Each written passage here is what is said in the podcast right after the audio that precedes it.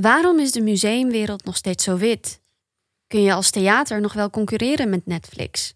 En hoe doorbreken we het Old Boys Network in het toezicht op kunstinstellingen? Eén ding is duidelijk. De Nederlandse culturele sector staat voor grote uitdagingen. Erle vernoemd naar het transparante proefglas, is het laboratorium waar we samen met nieuwe denkers en doeners op zoek gaan naar het antwoord op deze vragen. Want wij zijn van mening dat debat in de cultuursector nog te vaak door dezelfde mensen gevoerd wordt. En dat we daarmee niet per se vooruitkomen. Vanuit de studio van Dag en Nacht Media in Amsterdam zijn dit... Roy Kremers en Naima Boustawi.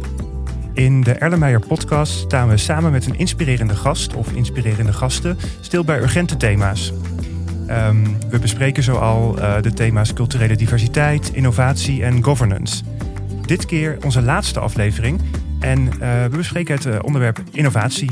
En dat doen we met Christel Ooms en Monique van Dalen.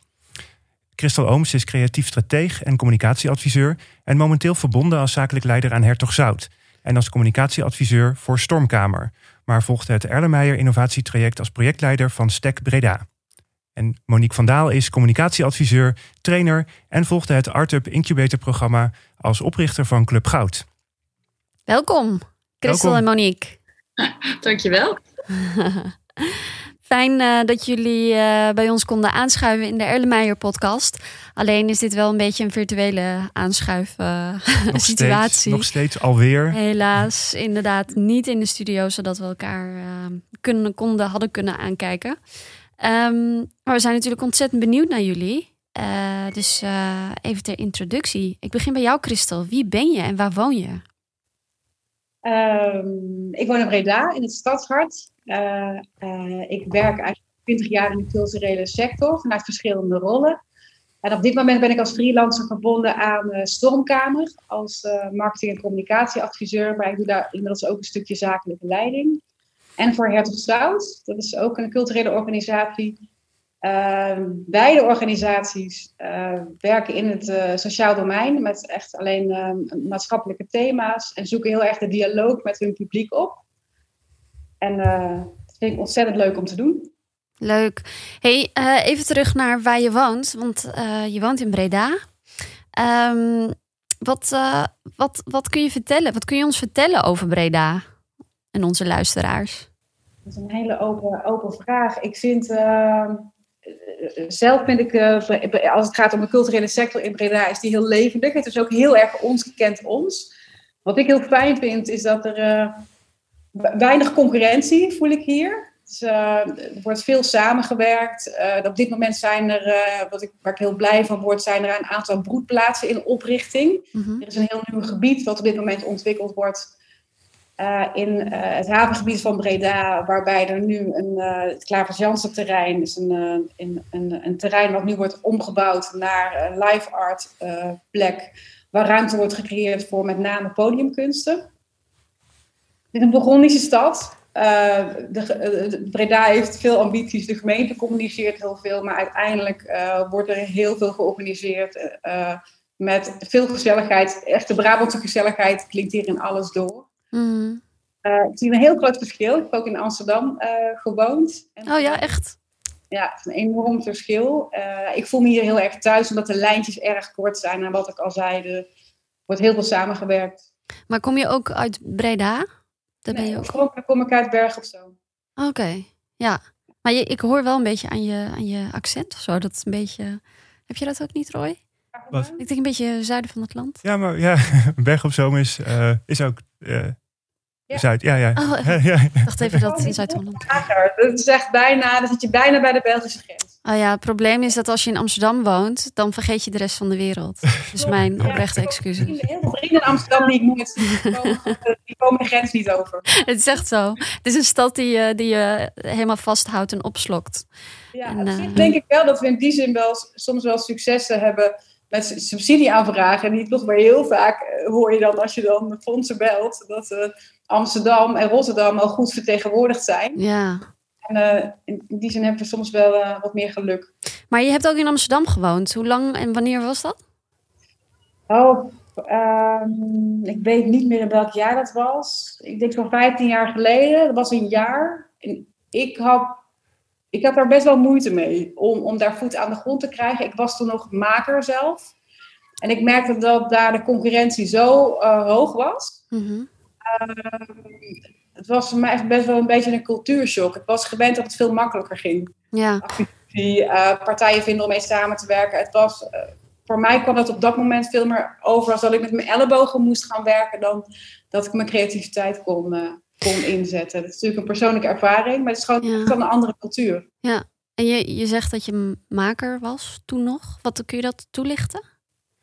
Ja, ik heb uh, kunstacademie gedaan, Sint-Joost. En ik heb uh, heel lang als beeldmaker gewerkt. Uh, uiteindelijk als art director. En vanuit die rol heb ik de overstap gemaakt naar de culturele sector om veel meer de zakelijke strategie te doen. Omdat ik merkte als maker, merkte vaak dat je eigenlijk als de kers op de taart aan bod komt na een hele lange traject. Ik werkte overigens wel in de culturele sector voor verschillende podia, zoals Chassé Theater uh, en musea. Maar heel vaak. Um, ik, ik, werd steeds vaker gefrustreerd omdat ik pas in het eindtraject uh, iets kon toevoegen aan het hele proces. En ik zag daarin dat ik veel meer van waarde zou kunnen zijn als ik eerder betrokken was geweest in, in, in, uh, in het maken van, van een strategie en een plan om meer publiek te bereiken. -hmm. En, en dat heeft je ook uh, gemotiveerd om, om te doen wat je nu doet? Om meer, ja, absoluut. Ja. ja, drie jaar geleden heb ik eigenlijk de bewuste keuze gemaakt om, om die overstap te maken. Um, en ik moet zeggen dat um, het innovatietraject wat ik bij Erlenmeyer heb gevolgd, is daar echt een enorme boost aangegeven. Mm -hmm. uh, waarbij ik nu uh, helemaal niet meer als maker werk en alleen maar in die culturele sector op de strategie zit. Mm. En ik, ja, ik, ik voel me daar zoveel meer thuis dan als maker.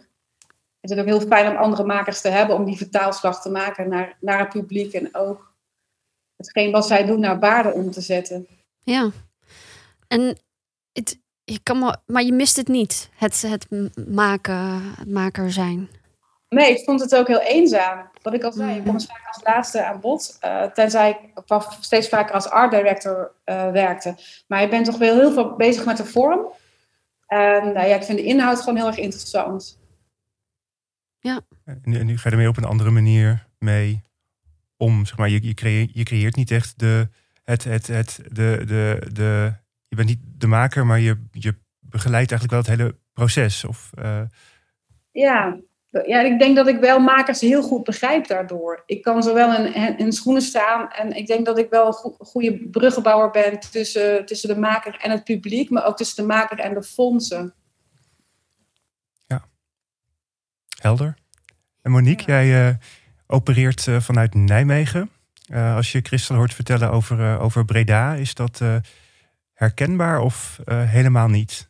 Ja, is echt enorm herkenbaar inderdaad. En voordat ik uh, in deze podcast kwam, probeerde ik me te bedenken van, oh ja, weet je, culturele sector en wat onderscheidt Nijmegen nou?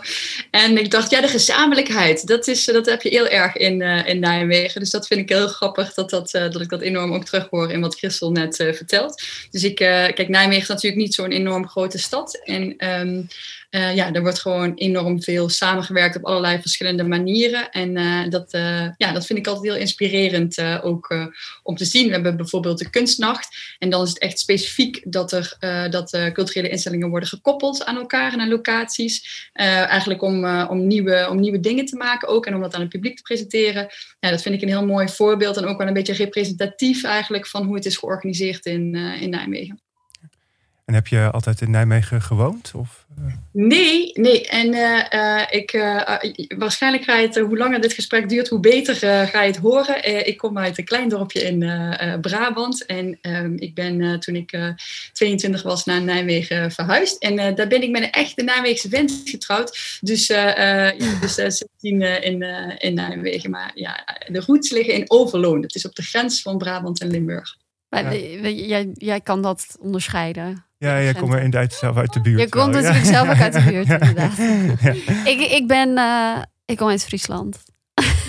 het is echt al- alles van onder de, onder de rivier is buitenland voor ons. Ja, ik hoop het.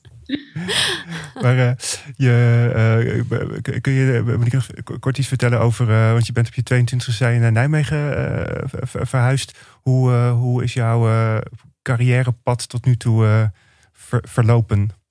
Ja, ik heb daar bedrijfscommunicatie gestudeerd op de, op de Radboud Universiteit hier. En toen dat tijd gecombineerd met de studie Frans. Het was toen heel relevant, want toen had ik een Franstalig uh, vriendje. Dus, oui. dat was heel gedaan.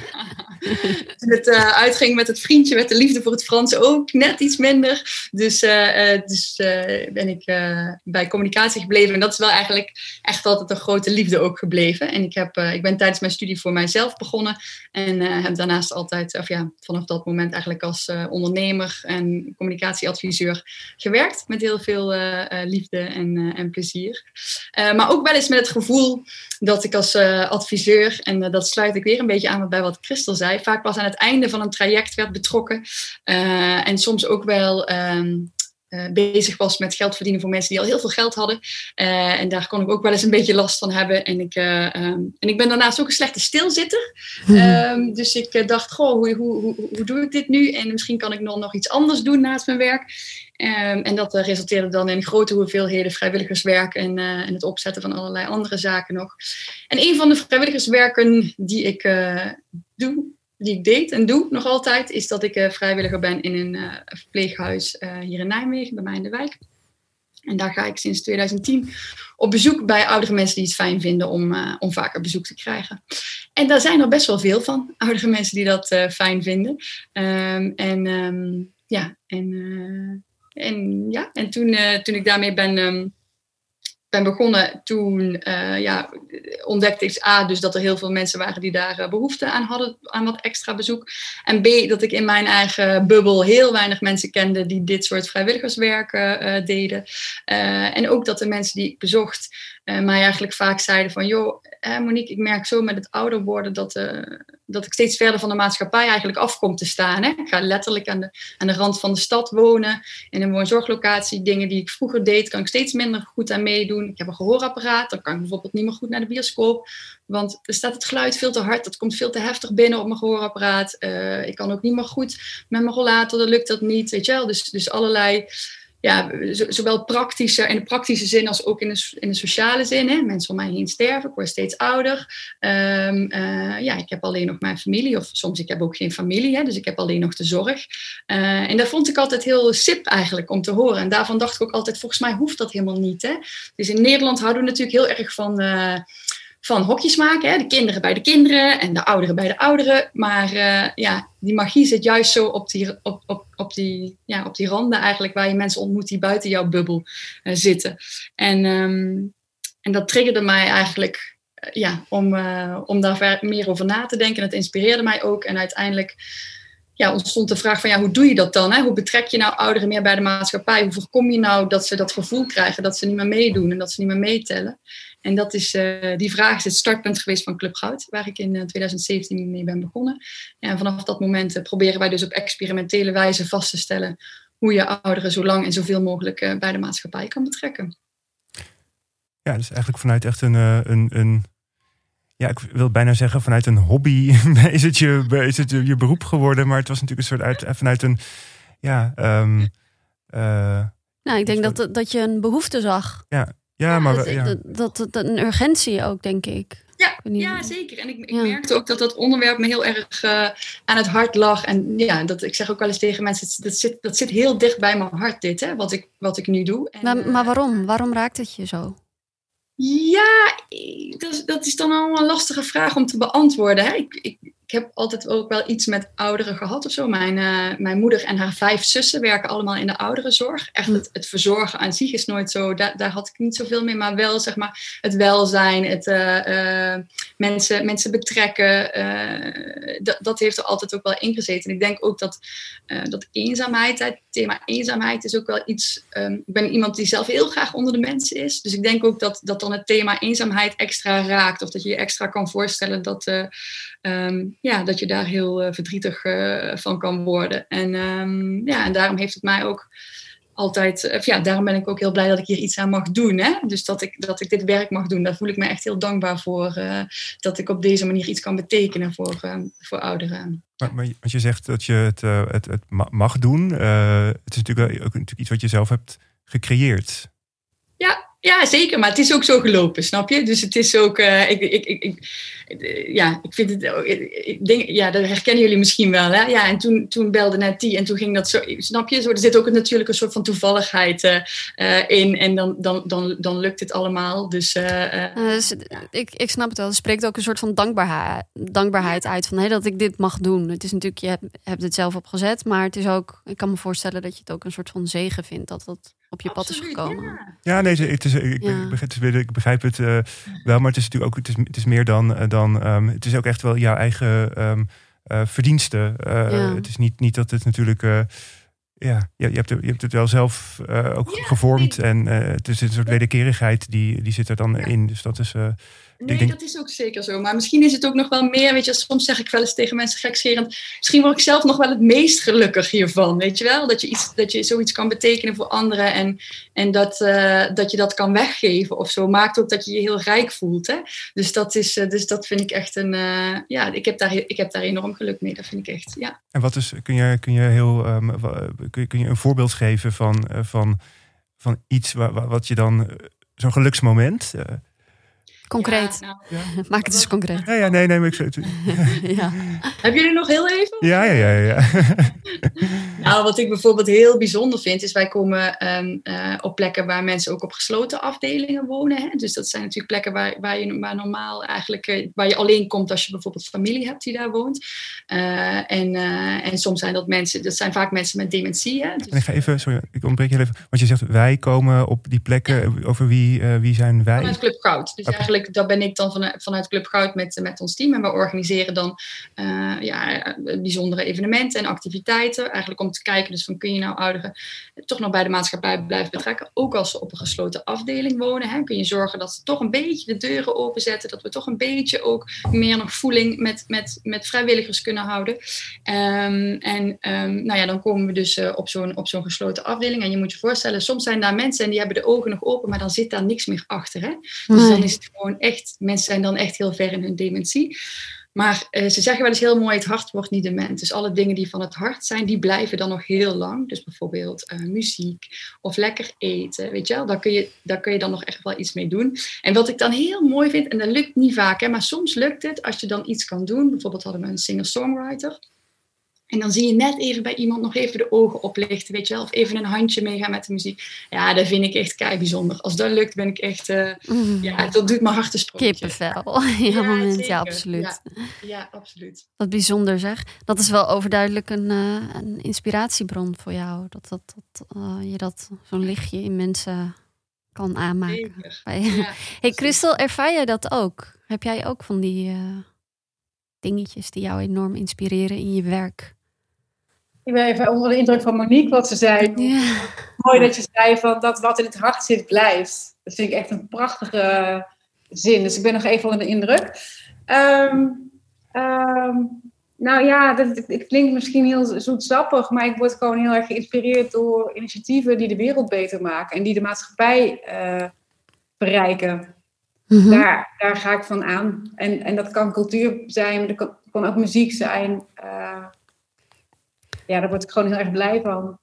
Je hebt in, in Breda een waanzinnig leuk initiatief. Sinds corona zijn natuurlijk uh, ondernemers die problemen hebben, zoals uh, overschotten van bloemen. Uh, ondernemers die gewoon hun producten niet kwijt kunnen. En nu is er een initiatief opgestaan dat heet Breda maakt mij blij. En dat initiatief helpt dus de ondernemers om toch hun producten kwijt te kunnen. En zij maken eigenlijk de brug tussen, de, tussen dat product en, en, uh, en het publiek en de burger om elkaar te helpen.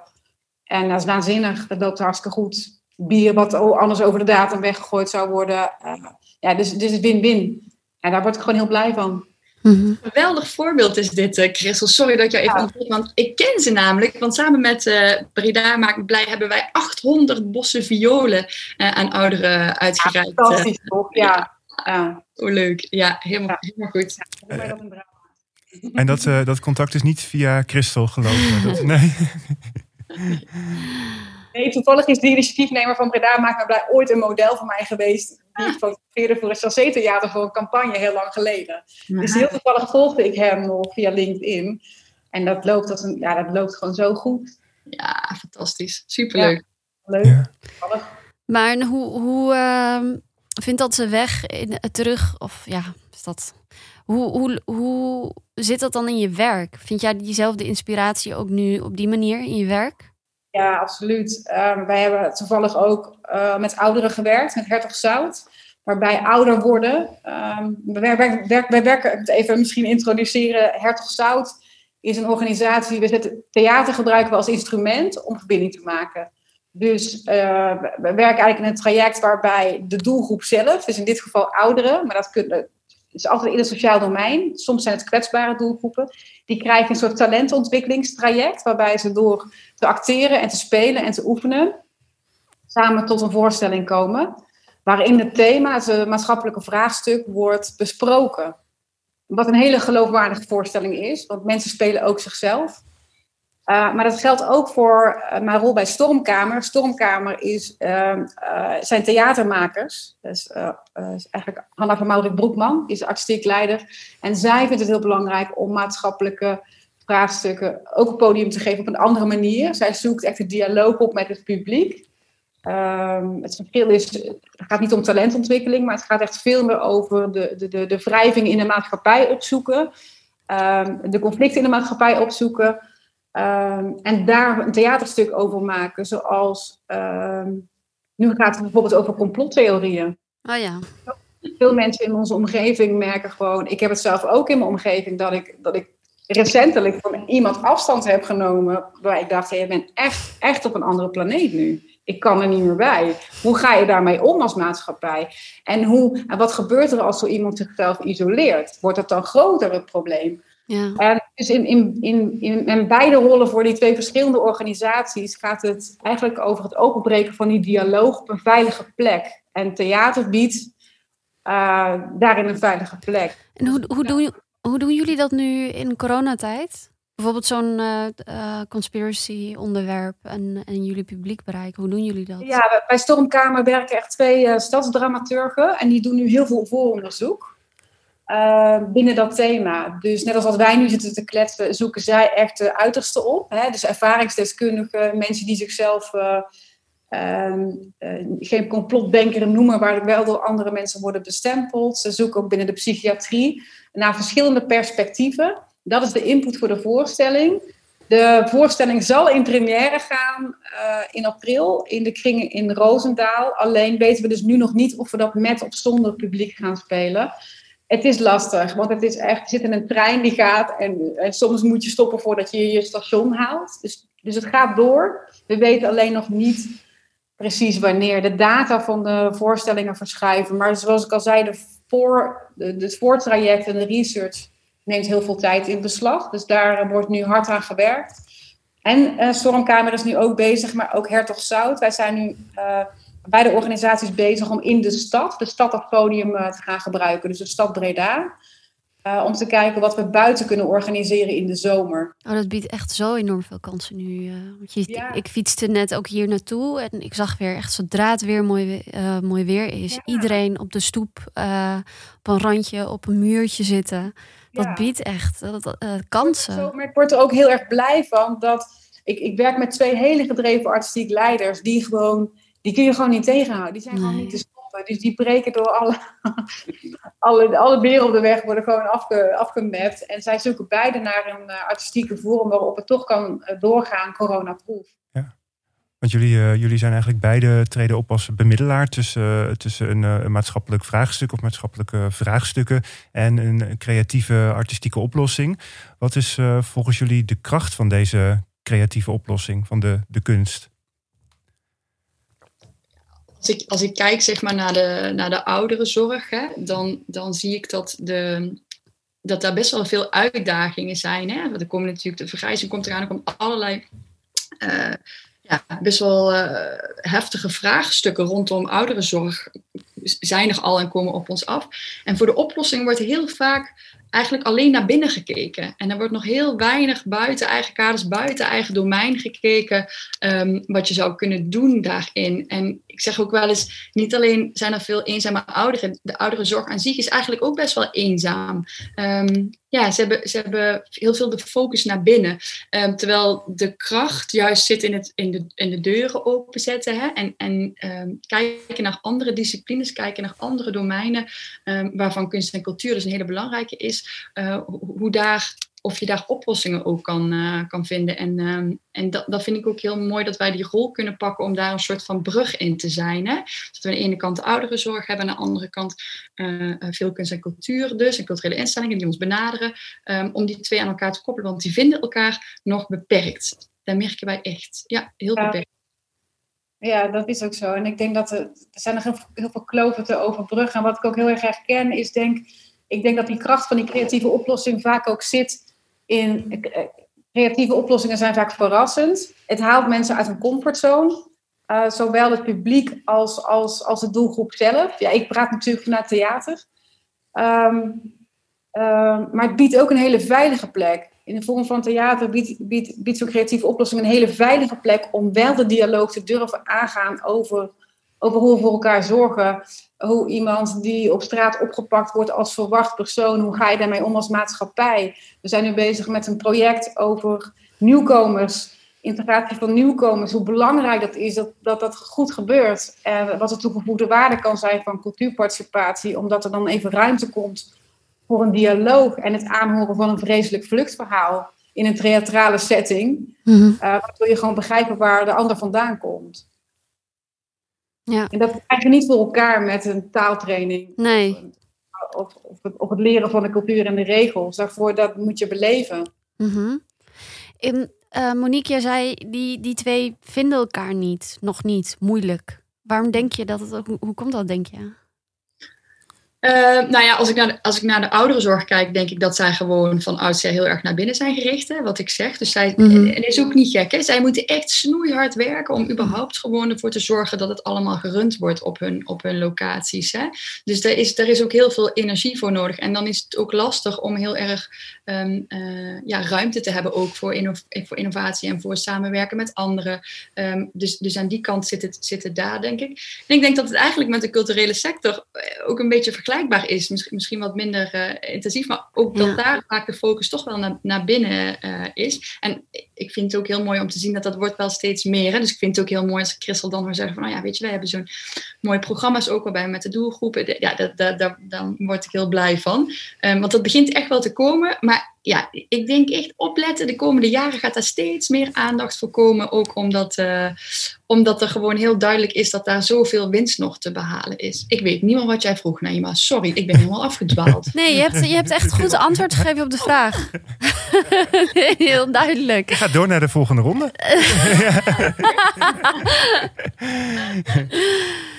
Nou, ik, ik zat me ook af te vragen of inderdaad, hè, omdat die twee werelden, iedereen uh, uh, is enorm uh, druk en moet doelstellingen halen, moet, moet um, geld binnenhalen. En, en omdat voordat je dat geld krijgt, moet je ook allerlei stukken schrijven. En, ja. en daarna moet je er ook nog eens een keer aan houden. Dus je hebt heel weinig vrijheid ook binnen, hoe heet het, je eigen wereldje om ook iets anders te kunnen doen. Dus dat maakt het best wel lastig. Dat snap ik ook wel. Maar, um, maar ik vroeg me dus ook af uh, of het misschien ook te maken heeft met dat bijvoorbeeld binnen de kunst, de wereld van de kunst en binnen theater, dat, dat kunstenaars misschien ook kunnen zeggen: Goh, ik uh, heb helemaal geen zin om ook maatschappelijk werker te zijn. Ik wil me gewoon bezighouden met mijn kunst. En, ja. Is dat ook iets wat je tegenkomt? Ja, uh, niet, nog niet zoveel, maar het is natuurlijk super legitiem. Hè? Ik bedoel, dat is, uh, ja, als mensen dat.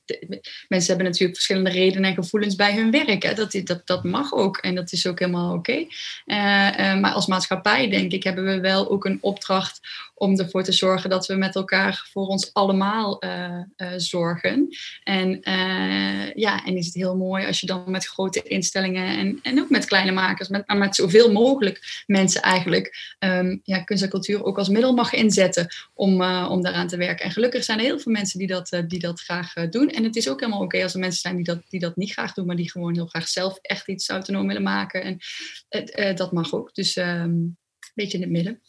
En um, Christel, uh, jij bent zelfmaker geweest. Uh, hoe kijk jij daar tegenaan? Is dat, is dat iets wat jij herkent? Nee, helemaal niet. En ik, de artistiek leiders waar ik nu mee werk, die ervaren dat ook niet zo. Die, die zijn zo intrinsiek gemotiveerd. Die hebben zo'n zo'n sterke missie dat zij willen verbinden en de dialoog willen openbreken, is dat, en, en daarmee ook zelfs de maatschappelijk werkers ondersteunen. Mm door, door, te zeggen van we halen je even uit die zorgrol. Je komt nu lekker hier in ons theater zitten en, en je, mag, je mag zeggen wat, je, wat, je, wat, wat, wat gebeurt er met jou als je thuis komt. Zo heeft Letitia Rompenberg, artistiek leider van Hertog Zout, ook een podcast aflevering gemaakt over iemand die werkt in de zorg en die vertelde uh, wat ze ervaarde toen ze in de auto reed naar de IC, op het moment dat corona net uitbrak. En, en, dat, ze, en dat ze alleen maar ambulances op de snelweg zag. Oh ja. Dat ze in het donker in die auto zat. Om ook het verhaal te horen van iemand die dus iedere dag naar die IC toe reed. En wat is die ervaring? En dat geeft weer een ander perspectief. Dus meer als ondersteuning en nooit het gevoel, uh, wel het gevoel ik wil iets oplossen in de wereld, maar niet het gevoel ik ben hier als maatschappelijk werker uh, bezig. En, ja, in tegendeel eigenlijk. Jullie, jullie, zijn, jullie uh, zijn alle, allebei uh, nu met name actief in de, in de theaterpodiumkunsten. Denk je dat het, daar, um, uh, dat, dat, dat het daar makkelijker ligt dan in andere disciplines, bijvoorbeeld de beeldende kunst of vormgeving? Ja. Ja, ik denk het wel. Ik merk al, Hertog Zout werkt bijvoorbeeld, er werken best wel veel meer toegepast dan Stormkamer. Stormkamer heeft toch wel een, uh, werkt ook veel met beeldend kunstenaar. Een beeldend kunstenaar, uh, André Joosten, die dat is eigenlijk de rechterhand van de artistiek leider. In de zin van dat hij heel erg de vorm bepaalt in de voorstelling. Dat is een stuk abstracter werken. Uh, ik, ik, denk dat daar zie ik nog niet zo heel veel. Um, nu ben ik ook weer je vraag een beetje kwijt. Ik, ik denk wel hoe autonomer, hoe lastiger. Ja, en, en dan hoe minder theater, hoe lastiger. de, de, eh, ik denk dat autonome kunstenaars zijn minder bezig met het vinden van een oplossing of het bieden van een oplossing. De theatermakers waar ik toevallig nu mee werk, zijn, zijn heel oplossingsgericht. Continu.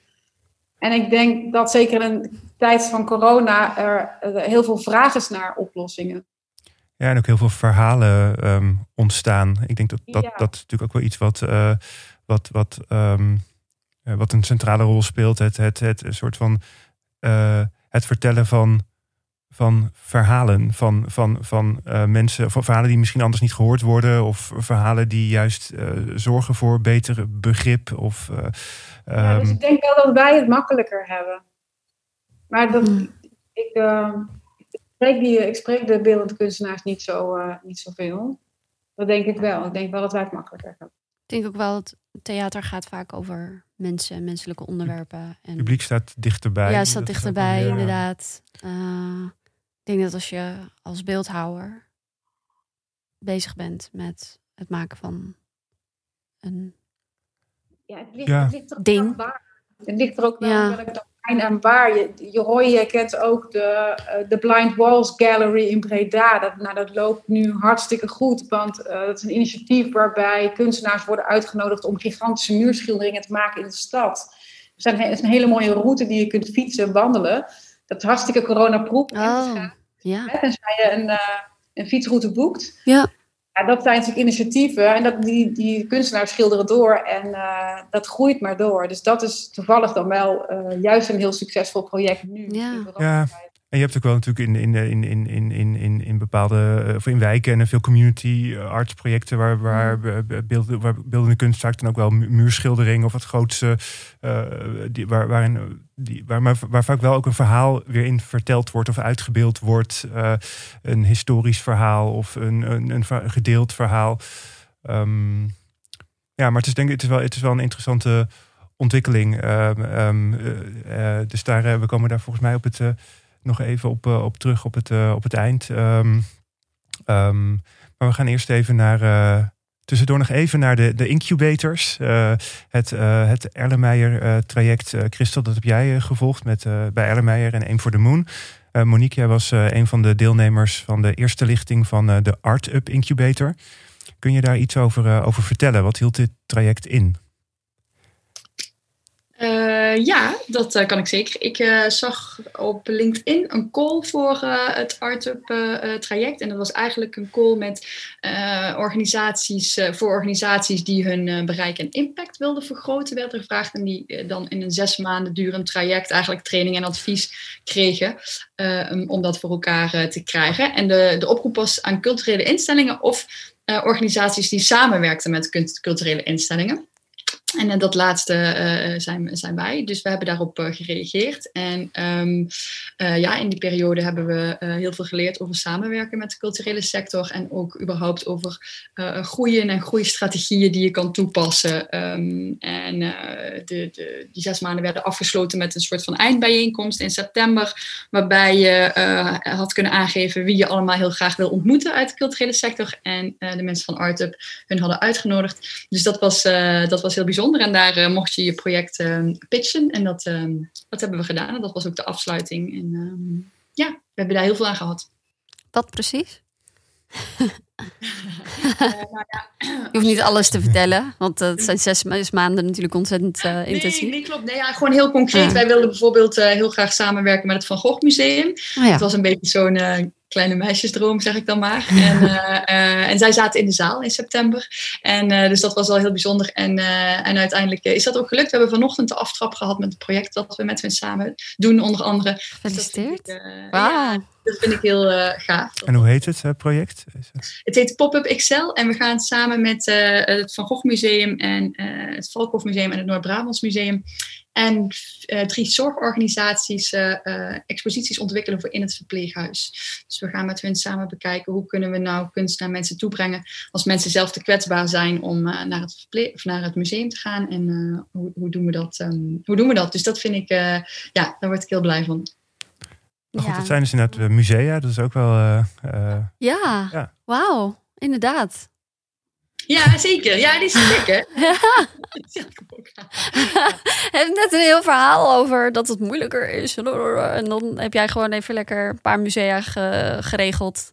Ja, maar ik ben het wel een beetje... Ik, ik, sta natuurlijk ook wel een beetje op de schouders van reuzen dan. Hè? Dus net zoals bij ArtUp zitten dan mensen die dan allemaal hele goede netwerken hebben in de culturele sector. En dan, uh, ja, en dan uh, daar ons daarbij helpen. Dus dat is uh, fantastisch. Ja, en uh, Christel, als je hoort wat uh, Monique vertelt over het Ardup traject, komt dat overeen met wat jij hebt meegemaakt? Was dat totaal anders? Um, nou, sowieso wat, het laatste wat ze zei, dat, dat je dus ook in een heel fijn netwerk komt. Hè? Want ik heb natuurlijk het Erlenmeyer traject gedaan bij Aim for the Moon, het innovatietraject.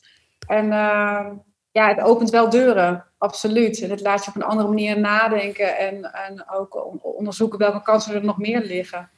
Ik weet niet of Monique of je dat ook zo hebt ervaren. Ik vond het een heel fijn traject omdat je even uh, genoodzaakt bent om stil te gaan staan en, en jezelf af te vragen van wie, uh, voor wie doe ik dit nou eigenlijk? En, en wie is nou de doelgroep? En, en, en waar, voor wie heeft het, voor wie zijn wij van waarde? En voor wie is het product van waarde? En, en dat, dat vond ik super interessant. Er is bij mij echt ook een knop omgegaan. Alles wat ik in dat traject heb geleerd. Ik kwam natuurlijk vanuit, ik zat toen als projectleider, was ik verbonden aan STEC. Het is een broedplaats in Breda voor creatieve ondernemers. En die, dat was eigenlijk een plek die was leeggelopen. Er was weinig levendigheid, weinig ondernemerschap en, gewoon geen geld. En ehm, in, in, het traject wat ik volgde uh, was eigenlijk de vraag van... ja, uh, wat zijn dan eigenlijk de voorwaarden voor een wel een bloeiende broedplaats? En uh, ja, daardoor waren we genoodzaakt om te gaan onderzoeken, maar wie, wie, zijn nu eigenlijk die mensen die hier zitten? Waar komen die vandaan en wat was hun motief? En toen bleek het eigenlijk veel meer een maatschappelijk project te zijn. En, een, een project wat hele andere dingen nodig had. De broedplaats Stek bedoel je? Ja. ja. Ik, ik ben ook heel erg benieuwd naar um, eh, jouw ervaringen bij Aim for the Moon, omdat Aim for the Moon normaal uh, zich richt op start-ups. En Ja. eh, nou, dit was een hele, hele spannende. Eh, Ja. hoe, hoe is dat bevallen? Heb, had jij eh, eh, een idee dat je allemaal hele andere, op een andere manier eh, nu keek naar, naar zaken doen en naar bedrijven? 180 graden. Ik ben vrij zakelijk. Ja. eh, ben ik wel. Maar ik zit ook al meer dan twintig jaar in het vak en in de culturele sector. En, en ik had ook last van kennis. Ik had te- last Kennis. van veel kennis. Ja, ja. Dat je gewend bent dat bepaalde dingen op een bepaalde manier werken. Mhm. Ik zie het nu ook eh, heel erg dat bijvoorbeeld al die grote culturele instellingen hier in Breda, dus de bibliotheek, Nieuwe Vesten, Chassé-theater, Podium Bloos, al die mensen hebben directieleden van boven de 50. Je, je, die wel door de wol gewassen zijn en veel weten, maar als het gaat om innovatie en echt opnieuw kijken en mee kunnen veranderen en niet lineair denken, Mm. vraagt echt even. Voor mij was het echt 180 graden draaien en ik had een stagiaire meegenomen. Eh, Volgens mij had ik zijn moeder kunnen zijn. Daar heb ik zoveel van geleerd, omdat hij anders dacht. En hij begreep, zeg maar, die aanpak van één voor de moon. Dus echt van innoveren is echt blijven bevragen. En iedere keer denken van, ja, is dit wel waar? Is het een aanname? Dat gaan we onderzoeken. Is dit wel de juiste doelgroep? Ja, dat heeft bij mij echt ehm, heel veel deuren geopend. In mijn eigen hoofd, maar ook in, eh, in mijn werk. Ik ben, op een gegeven, ik ben gewoon na dat traject meteen een opleiding begonnen bij IDOU om gewoon meer te weten over innovatiestrategieën. Oh, wow. Ik wil niet meer zonder. Ja. Maar ehm, het, want het, het, het vraagt nogal wat van je. Je moet echt de hele, je hele tijd bevragen en dan weer opnieuw en dan weer net iets anders eh, ding doen. Niks van. Ik heb ook met Saskia van een voor de Moon echt nog gebeld. Wat, wat gaan we dan doen? En, het alle, en zij bleef maar gewoon vol vertrouwen zeggen: ja, ehm, je moet gewoon komen. Je moet gewoon komen en het ervaren. En ik merkte hoe moeilijk ik dat vond. Ja, je moest eh, de, tijdnood, weet je wel. Ik word altijd per uur betaald. Ja. Eh, Er was nog geen budget voor mijn reiskosten naar Amsterdam. Uiteindelijk heb ik alles overboord gegooid en gewoon alles uit eigen zak betaald. En al mijn eigen uren geïnvesteerd. In een project wat bijna zo goed... eh, eh, mijn project liep ook af bij Stek. Maar ik dacht, ik, ga gewoon, eh, ik duik gewoon in het diepe. En dat, ja, daar ben ik zo blij om. Dus dat was voor mij een hele nieuwe ervaring. Een hele andere manier van denken. Het is eigenlijk ook een, een, een, een, eh, ja, een mindset. Dus dat, het, het, het Ja. innoveren is, eh, is natuurlijk vaak gericht wel op een product of op een, op een, op een, op een, op een organisatie of op een dienst. Ehm, maar wat daaraan vooraf gaat, is toch een mindset die je moet hebben. Absoluut. En dat vond ik heel moeilijk. Want als je niet weet wat je niet, eh, hoe moet je dat zeggen? Ik, ik, als je, eh, soms weet je niet wat je niet ziet. Nee. Dus jij kan het. Nou, het is heel vertrouwd natuurlijk om, om, om dat te weten. En daar, ik denk dat dat ook wel de grootste angst is voor innovatie. En, want dat betekent dat je jezelf, je eigen positie ook zou moeten gaan bevragen. In ieder geval moet bevragen. En ja, als je daarover twijfelt, dan is dat best wel, eh, ja, kan het best wel heftig zijn. nu heel bevrijdend. Ik heb nu een, een rol bij Hertog Zout die heel goed klikt. Ik, ik, ik, ik, ik, ik voeg waarde toe, terwijl ik me kan voorstellen dat ik zelfs nu een businessmodel aan het ontwikkelen ben, wat, wat mij overbodig maakt, en waar gewoon een ander profiel voor wordt gemaakt. En dat is oké, want uiteindelijk is dat, is dat het doel wat je wil in je organisatie.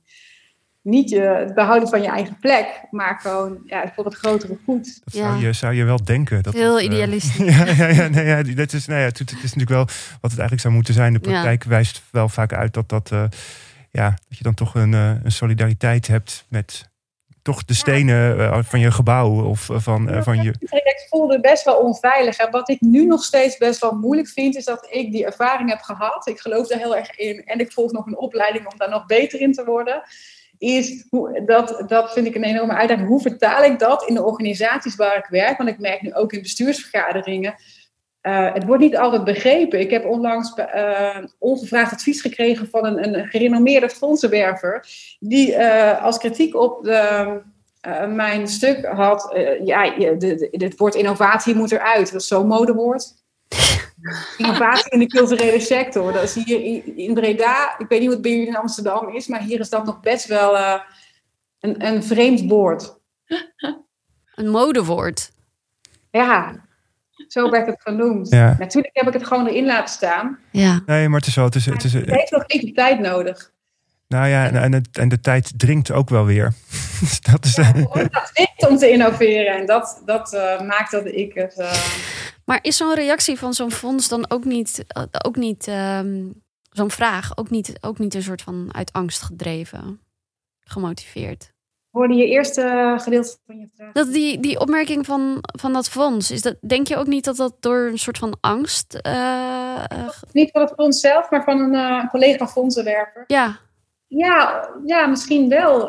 Ik herken dat ook wel. Want dat innoveren betekent veranderen. mhm. Ja, het zou best wel kunnen. Dat, kan ik, dat zal ik eens vragen. Maar hebben jullie nu allebei, nu jullie die trajecten ehm, hebben gevolgd, heeft dit. Hoe kijken jullie nu naar die hele, hele infrastructuur in de, in de cultuursector? Ja, wat ik net al zei, ik, ik, het valt me gewoon echt op dat in de, de, de, de bepalers van de, van de culturele sector en de, de, de, de, de directieleden van, van de, de grote organisaties hier in Breda, daar moet gewoon echt eh, frisse, frisse wind moet aangevuld worden. Museum Mondriaan Museum doet het heel ge- geweldig in Winterswijk. Die nemen ieder jaar een junior directeur aan. Dat is iemand die nog studerend is. Ehm, die is heel jong en die krijgt onwijs veel verantwoordelijkheid binnen die organisatie. Dus daarmee haal je meteen een, een, een heel, een heel ander perspectief binnen. En dat zou ik de, de culturele sector van Breda ook gunnen.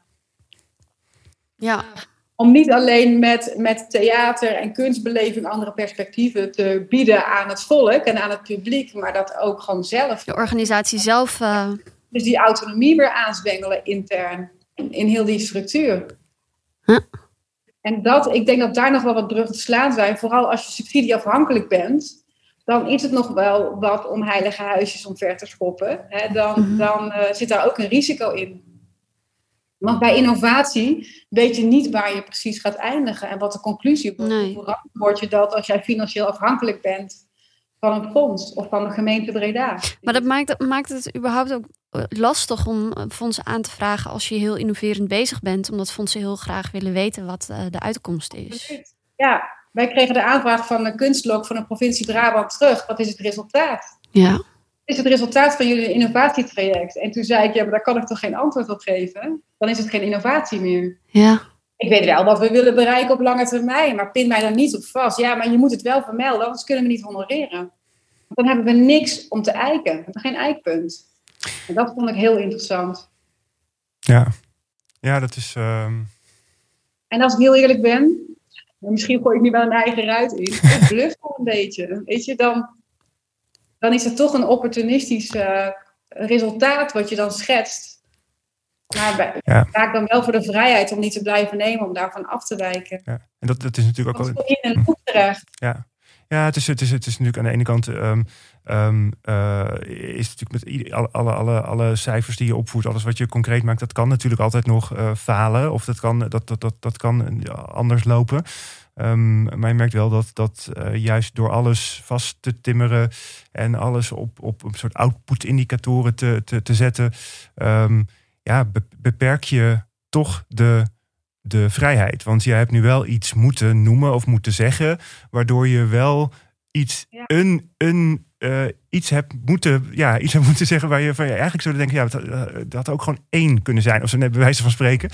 Maar ehm, en dat Ja. is nu wel, eh, en dat ja, daar, zit, daar zit ook natuurlijk wel de, de, de denk ik wel, daar, daar gaat het nu mis als het gaat om innovatie. Er is weinig ruimte voor, omdat letterlijk alles dichtgetimmerd zit Ja. uit een soort angst. het Ja. Vanuit het perspectief van zo'n fonds ook echt wel. Want je moet, weet je, het, ja, het moet wel goed besteed worden. En ze willen ook wel het resultaat. Ja, ja. En daar, daar is nog wel veel in te veranderen, denk ik. Ja. Wat kansen.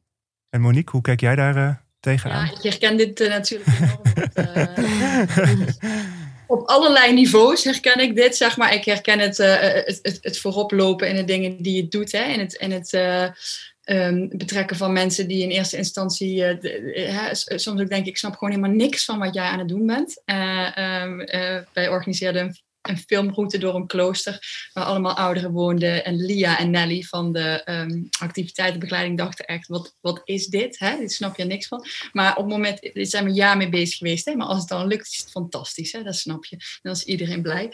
Um, maar ja, en, en zeker ook in de hoek van, uh, van, van oudere uh, bestuurders uh, die... Um, ja, die vaak heel veel ervaring hebben, maar het ook moeilijk vinden om dat los te kunnen laten en met een frisse blik te kunnen kijken tot aan de uh, fondsen. Wij proberen heel erg dan in te zetten op dit is wat we gaan leren. Dus we gaan, we gaan dit, op deze onderwerpen gaan we iets leren en dat is dan ons resultaat, zeg maar. Dus misschien gaan we honderd manieren leren waarop het niet moet. Dat proberen we nou, hè, of we dat dan zo kunnen, kunnen ja, organiseren eigenlijk met een fonds. Maar dat is, daar, daar moet natuurlijk ook nog een enorme slag gemaakt worden. Maar ik denk ook, het is soms ook een beetje een soort van, ik weet niet of jij dat herkent, Christel, een soort van sadomasochisme, waarbij je de hele tijd dingen doet die andere mensen niet snappen. En, maar je geniet er ook van.